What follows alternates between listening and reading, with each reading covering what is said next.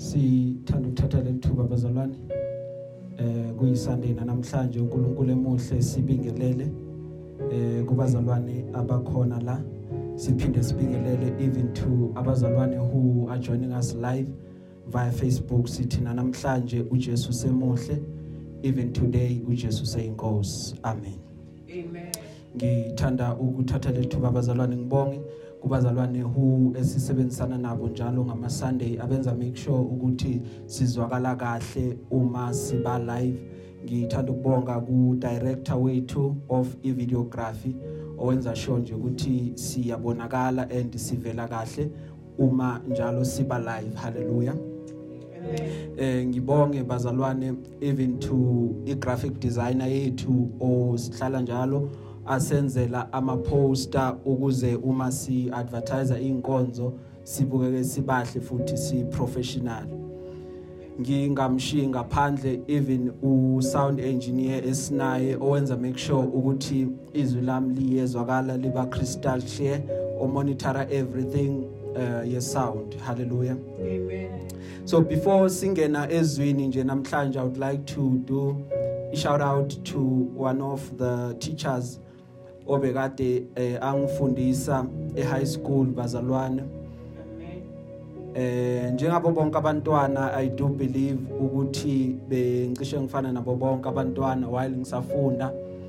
But khona lo teacher lo obeka ngifundisa kakhulukazi isiZulu eh uMr uSMS wakaMasombuka eh ume nkathi angifundisa what i noticed mostly ngaye was ukuthi ubesithanda kakhulu isiZulu and eno lwazi olunzulile noma olujulile lwesiZulu. Bethu mekhuluma isiZulu ubukade ungafunga nje ukuthi ngathi ukhuluma ama bombastic words wesiZulu and at most thina singabantu mhlambe so ajwayele ukuthi angesingisi kuphela noma ngeEnglish but yena ubewakhuluma ngesizulu ubone nje ukuthi ulimi lwakhe ulimi aziqajayo ngalo futhi aziqhenyayo ngalo.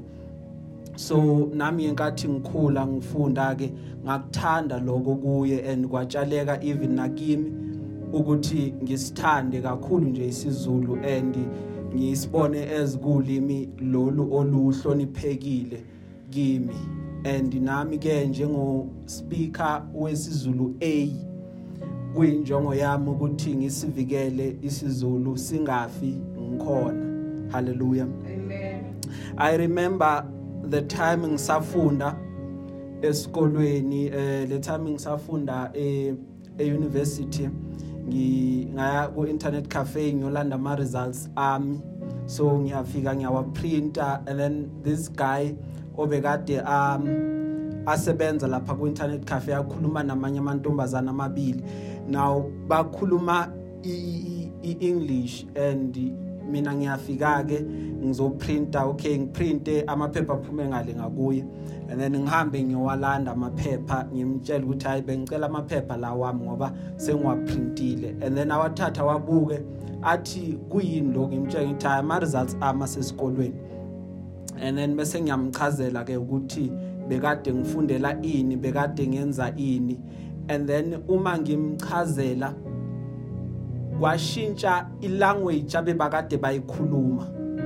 Bayeke ukukhuluma isilungu bakhuluma isiZulu because they could somehow see ukuthi lo muntu osepha ophakathi kwabo wazi kangcono kunesilu wazi kangcono isilungu kunabo. But that has not really been into that um engigijima noma engihleli kuphi ekhanda lami. But i've tried always ukuthi ngikhulume isiZulu. Why? Because i believe ukuthi language yakho yasekhaya it has to be protected. It has to ukuthi ivikeleke ibe preserved igcineke.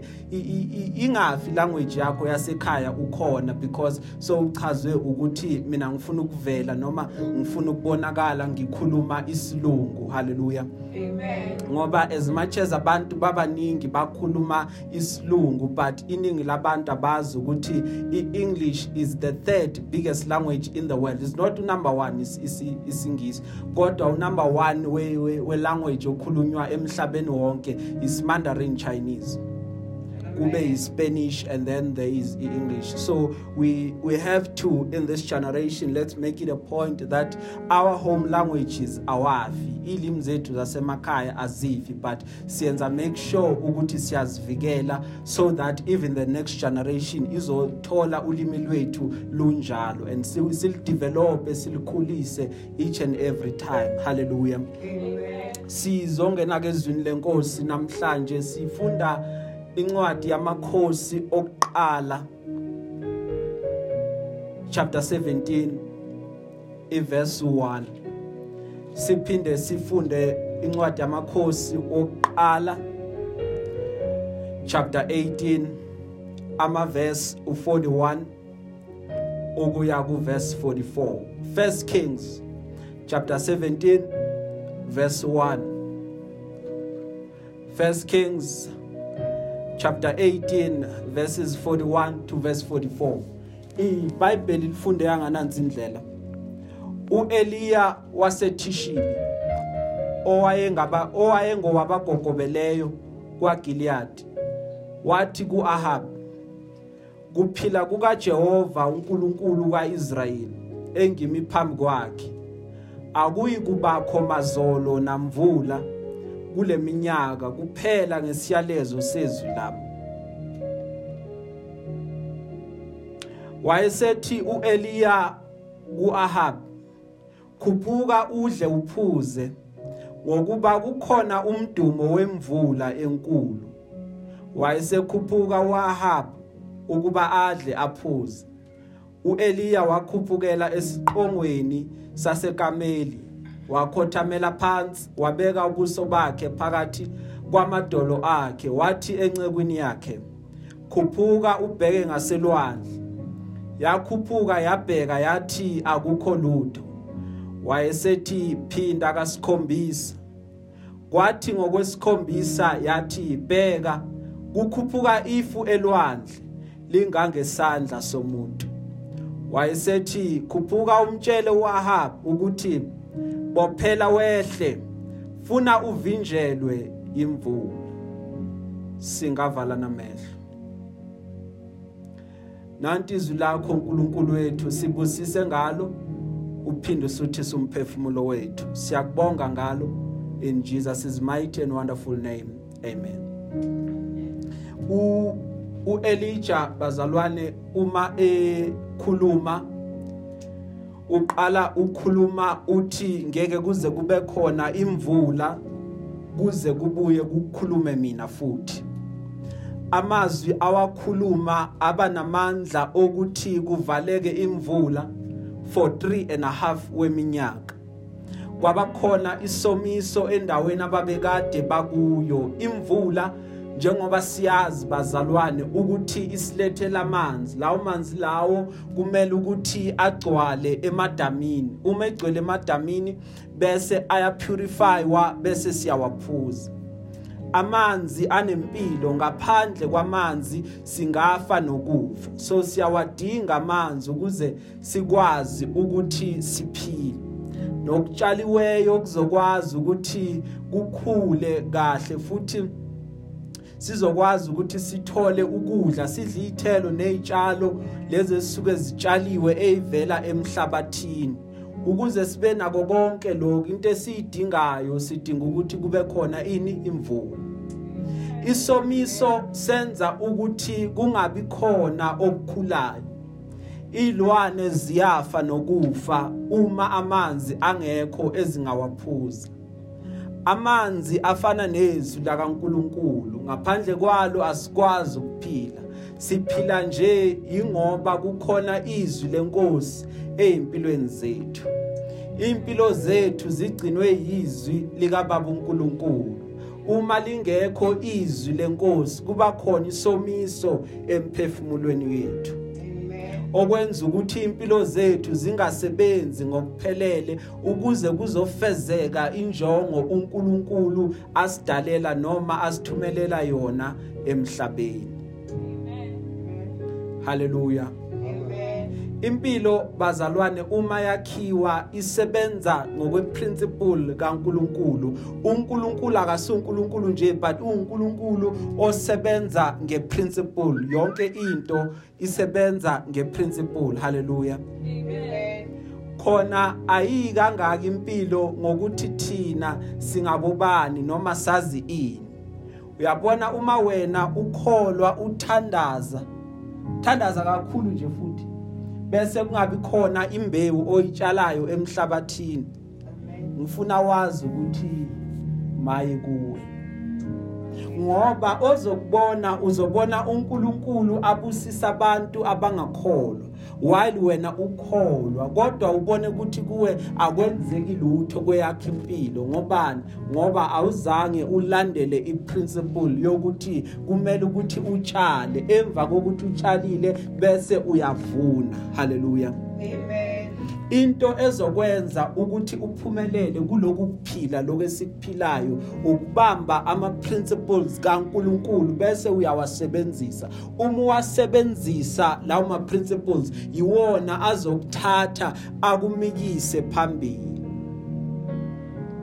Hallelujah. njengomntwana kaNkuluNkulu kumele uqonde noma understand ukuthi izinto oyishoyo zinamandla.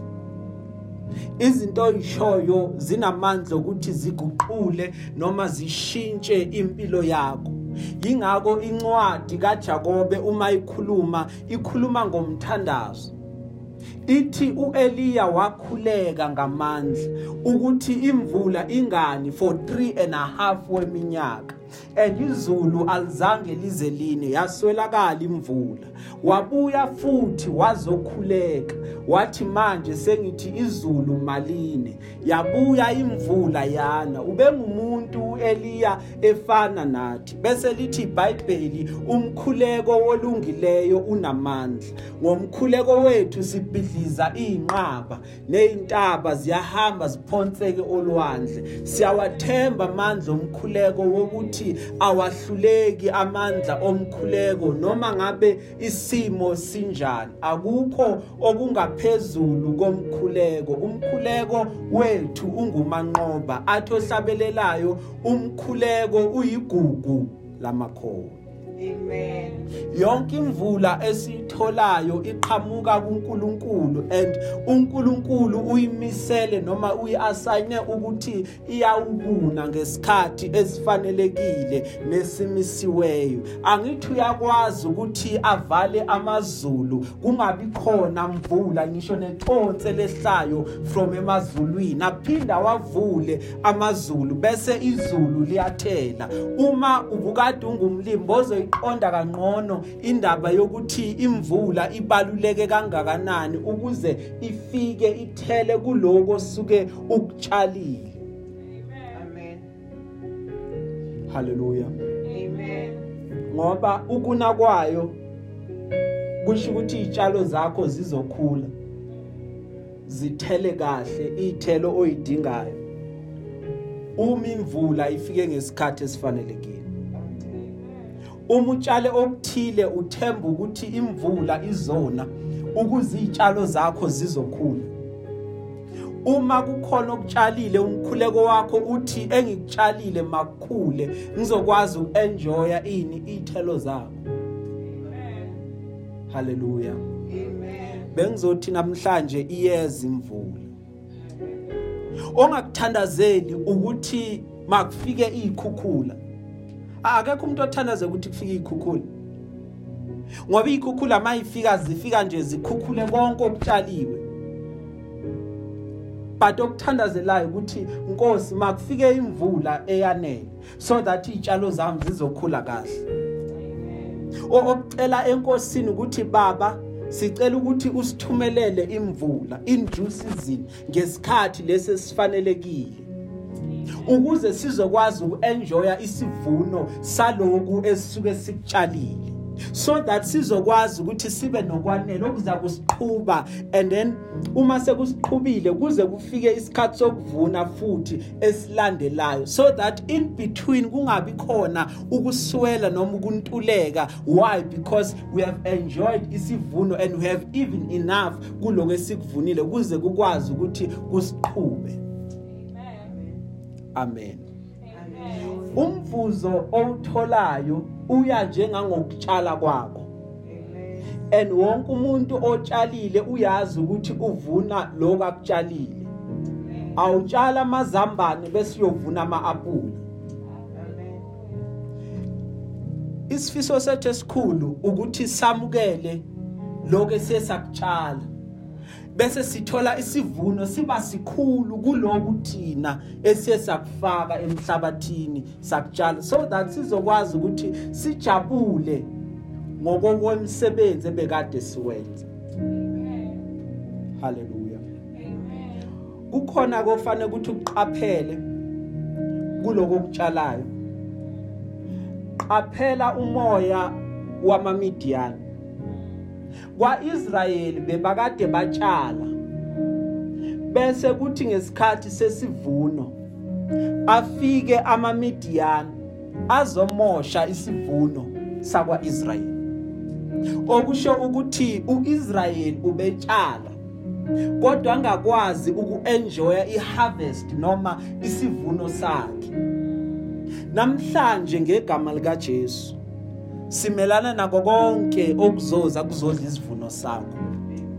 Simemezela futhi ngokukholwa ukuthi konke okutshalile uzokuenjoy nemali yakho angeke izilahleke ungazi ukuthi yephi namhlanje uNkulunkulu uzothunga ikhwama kulabo ikhwama zabe ezivuzayo uzoyibona into bokade uyisebenzela. Haleluya Amen. Okunye efanele ukuthi ukufunde ukwazi ukuhlola umhlabathi otshala kuwo ukuthi unjani. Ingabe lo mhlabathi otshala kuwo uvundlile yini? Noma kunameva lapho azokwenza ukuthi imbewu yakho iminyaniseke ingakhuli kahle.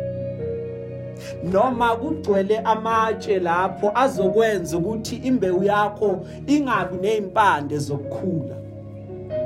Uyithole ungayiphambili kodwa uma endaweni eyodwa ngoba utshale emhlabathini ongavundlile. uNkulunkulu makakuphi ukuhlakanipha kokwazi ukubona ukuthi hlobo luni lomhlabathi otshala kuwo. Ukwazi ukubona uhlobo lomhlabathi okhetha ukuinvesta kuwo ubone ukuthi ingabe lo mhlabathi uyilungele yini imbewu yami. So that izokhula imbewu yakho ikuphe izithelo ngakusasa. Ngoba akekho umuntu ofuna ukwenza into engayindawo wonke umuntu ufuna ukwenza into abonayo iprogress ukuthi lento iya kuphi. Bengizothi nje kuwe namhlanje iyeza imvula. Namhlanje simelana nawo wonke amamidiyani azela ukuzodla isivuno sakho. Lawa akhetha ukuvuna la angatshalanga khona. Siyamemezela ukuthi konke lokho kusebenzele uzokubona uzokwazi futhi kuzokhula kundlondlobali ngegama lika Jesu Amen. wena uzoba uzoba nokwanela uzukuswela lutho. Izinto zakho zizokhula. Zizoba ngathi uzifake iyeast noma uzifake ibaking powder zizorace Amen. ziqhubeke zikunakekele zingahambi zikushiye endleleni. Maye kubhlungu ukuhamba nento bese iyakushiya endleleni. Konke nako kuzokuqhubha ngeke usebenzele futhi kulokulungisa njalo. Haleluya Amen. uJehova uzokwenzela kahle.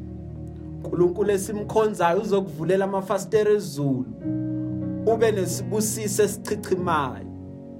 uJehova uzokhuza okudlayo ukuthi kungachithi izithelo zomhlabathi wakho. Amen. uzothola konke okungokwakho nokukufanele. Ngeke kuze kukulahlekele nangendlela engaqondakali. uJehova uyolondoloza konke okungokwakho. Angavumi ngakho namhlanje nje bengizothi kuwe iyeza imvula. Haleluya Amen. rain is coming. La la sifunda khona ku chapter 18 wamakhosi okuqala. Sithola uElijah utshela uAhab uthi kuye makahambe ayodla aphinda aphuze. Ngoba uza umdumo wezulu elikhulu elizayo. Bengizothi kuwe namhlanje iyeza imvula nako yakhe impilo. Imvula yezibusiso izonethela nakuwe. Dala ubona abanye bayithola left right and center. Abanye bangakutsheli nanokuthi babusiseke kanjani but nakuyeza. Ungaxhamazeli bambelela hold on. Rain is coming. Hallelujah. Amen. uJehova ngendlela azokubusisa ngayo uzokhohlwa na usizo ewadlula kulo? Uzobona ukuthi usizi owadlula kulo luncane uma uliqhathanisa nesibusiso ozosamkela uzobona ukuthi maye kungcono kakhulu la ngikhona. Uma mawubuka usizi uthi inkosi ngiyabonga ukuthi wangidlulisa lapha. Bengicabanga ukuthi hleze kuyaphela ngami kanti wena uNkulunkulu unamanye amacebo amahle ngami. Bokumele ukuba ngivaye lapha so that ngizo appreciate even more la sengikhona khona manje. Sikhulekela lokho bazalwane ukuthi uNkulunkulu akubusise kakhulu. Wonke umuntu uma ekubuka abone ungofumene umusa ovela enkosini. Nobusiseke ngendlela eyisimanga. Isibusiso senkosi sizokwenza ukuba ucebe uNkulunkulu akanezeli usizi kuso. Ozokwamkela enkosini ngeke kukuphathe kabi noma kukukhalise. Kodwa kuzohlala kukuphinjabulo njalo ecichimayo ezokwenza uhlala ubonga uJehova ngako lokho wakuthola enkosini. Uma ubheka izinto uzumomothe kuwedwa. Ubonga inkosi uthi baba ngiyabonga ngomuso ongaka owangenzela wona. Usho ngeqholo uthi umphefumulo wami uyayitusa inkosi. Ngaloke kwenzile nakulesi sikhathi ngifuna wazi ukuthi uJehova uzobheka ngakuwe. Uzoyijabulisa uNkulunkulu inhliziyo yakho. Haleluya Amen. bengizothi kuwe iyeza imvula. La la la sifunda khona sithola uEliya uthumela inceku yakhe. Uthi mayiye ngasolwandle iyobheka phezulu umifika.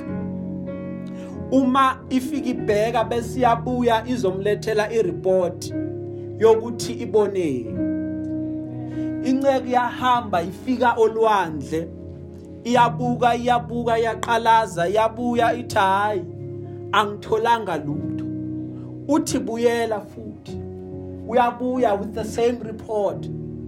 Uthi buyela futhi kuze kube u7 so that ukubuyela kwakho kupheleliswe ukuze ukubuyela kwakho kube nale perfection uthi ngikwenze konke kwaze kwaphelela. Uma seyiya okwesikhombisa mhlambe bese ingasaboni even nane point yokuthi sengibuyele kawu7 and i'm expecting the same or or angica- angicabanga ukuthi the report will be any different. But uma sekabuyela okwesikhombisa uthi ngibona kuphakama noma kunyuka ifu lelifu leli lilingana nenqindi yomuntu. Emva kwaloko uthi uEliya hayibo imvula enkulu leyo. Ngizwile emoyeni wami ukuthi there is a sign of abundance yemvula ezayo. I felt nje in my spirit ukuthi nayi abundant rain is coming. Emva kwalokho uthumela izwi uthi hamba kuAhab.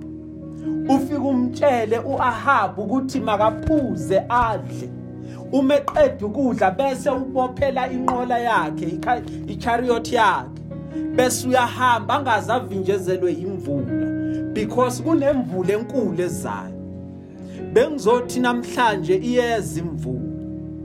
Isikhathi sesifikile ke bazalwane ezweni lakamoya. Lapho lapho kuzona khona imvula kuthululwe umoya oyingcwele nogcobo lusha phezulu kwenyama yonke.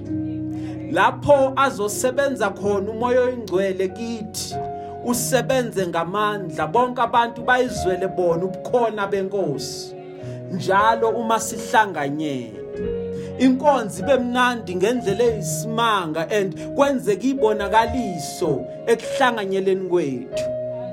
Abangene bagula baphume baphilile. Abaneyinkinga inkinga zabo isombululeke ngoba imvula kamoya seyinile. Yazohlanza nako konke okungalungile kithi. Izwi lenkosi alinakuvinjwa. Izwi lenkosi njalo uNkulunkulu umelithumelile liyafika la fanele kuba lifike khona. Bazama even kudala ukuthi siyakulivimba izwi. Kwakhulunywa nabo abapostoli bathi yekani kuloku nikhuluma ngalo Jesu wenu. Kodwa bagcina bathola umyalelo othi ningaloku nibalwisa laba kulaba babalwisayo kwathiwa kubo uma niloku niqhubeke njalo nibalwisa hleze ningalwisi bona hleze nithole senilwa noNkulunkulu ongene kubo and akekho umuntu olwa noNkulunkulu bese uyaphumelela. Uma ukuhambisa kwabo ivangeli kungokwabo iyohamba hamba iphelele endleleni lento abayenzayo. Kodwa uma ukuhambisa kwabo ivangeli kuvela kuJehova. Akekho umuntu onamandla okuthi ayinqande lento kaNkuluNkulu. Noma kungaba kanjani?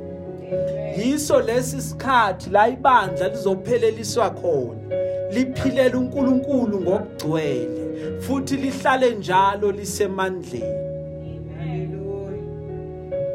bengizothi kuwe iyeza imvula haleluya Amen. sengigcina bazalwane ngicina ngokuthi uJehova makakubusise. Jehova makakulondoloze. Jehova makakhanyisa ubuso bakhe phezukwakho abe nomusa kuwe. Jehova makakuphakamise aphakamisele ubuso bakhe phezukwakho Amen. akuphe ukuthula. Sifundo sethu sezwi lenkosi sizophelela la usuku lwanamhlanje Amen. kwanga inkosi ngabusisa ukufunda kwezwi layo. Amen. ibandla lonke lizothi amen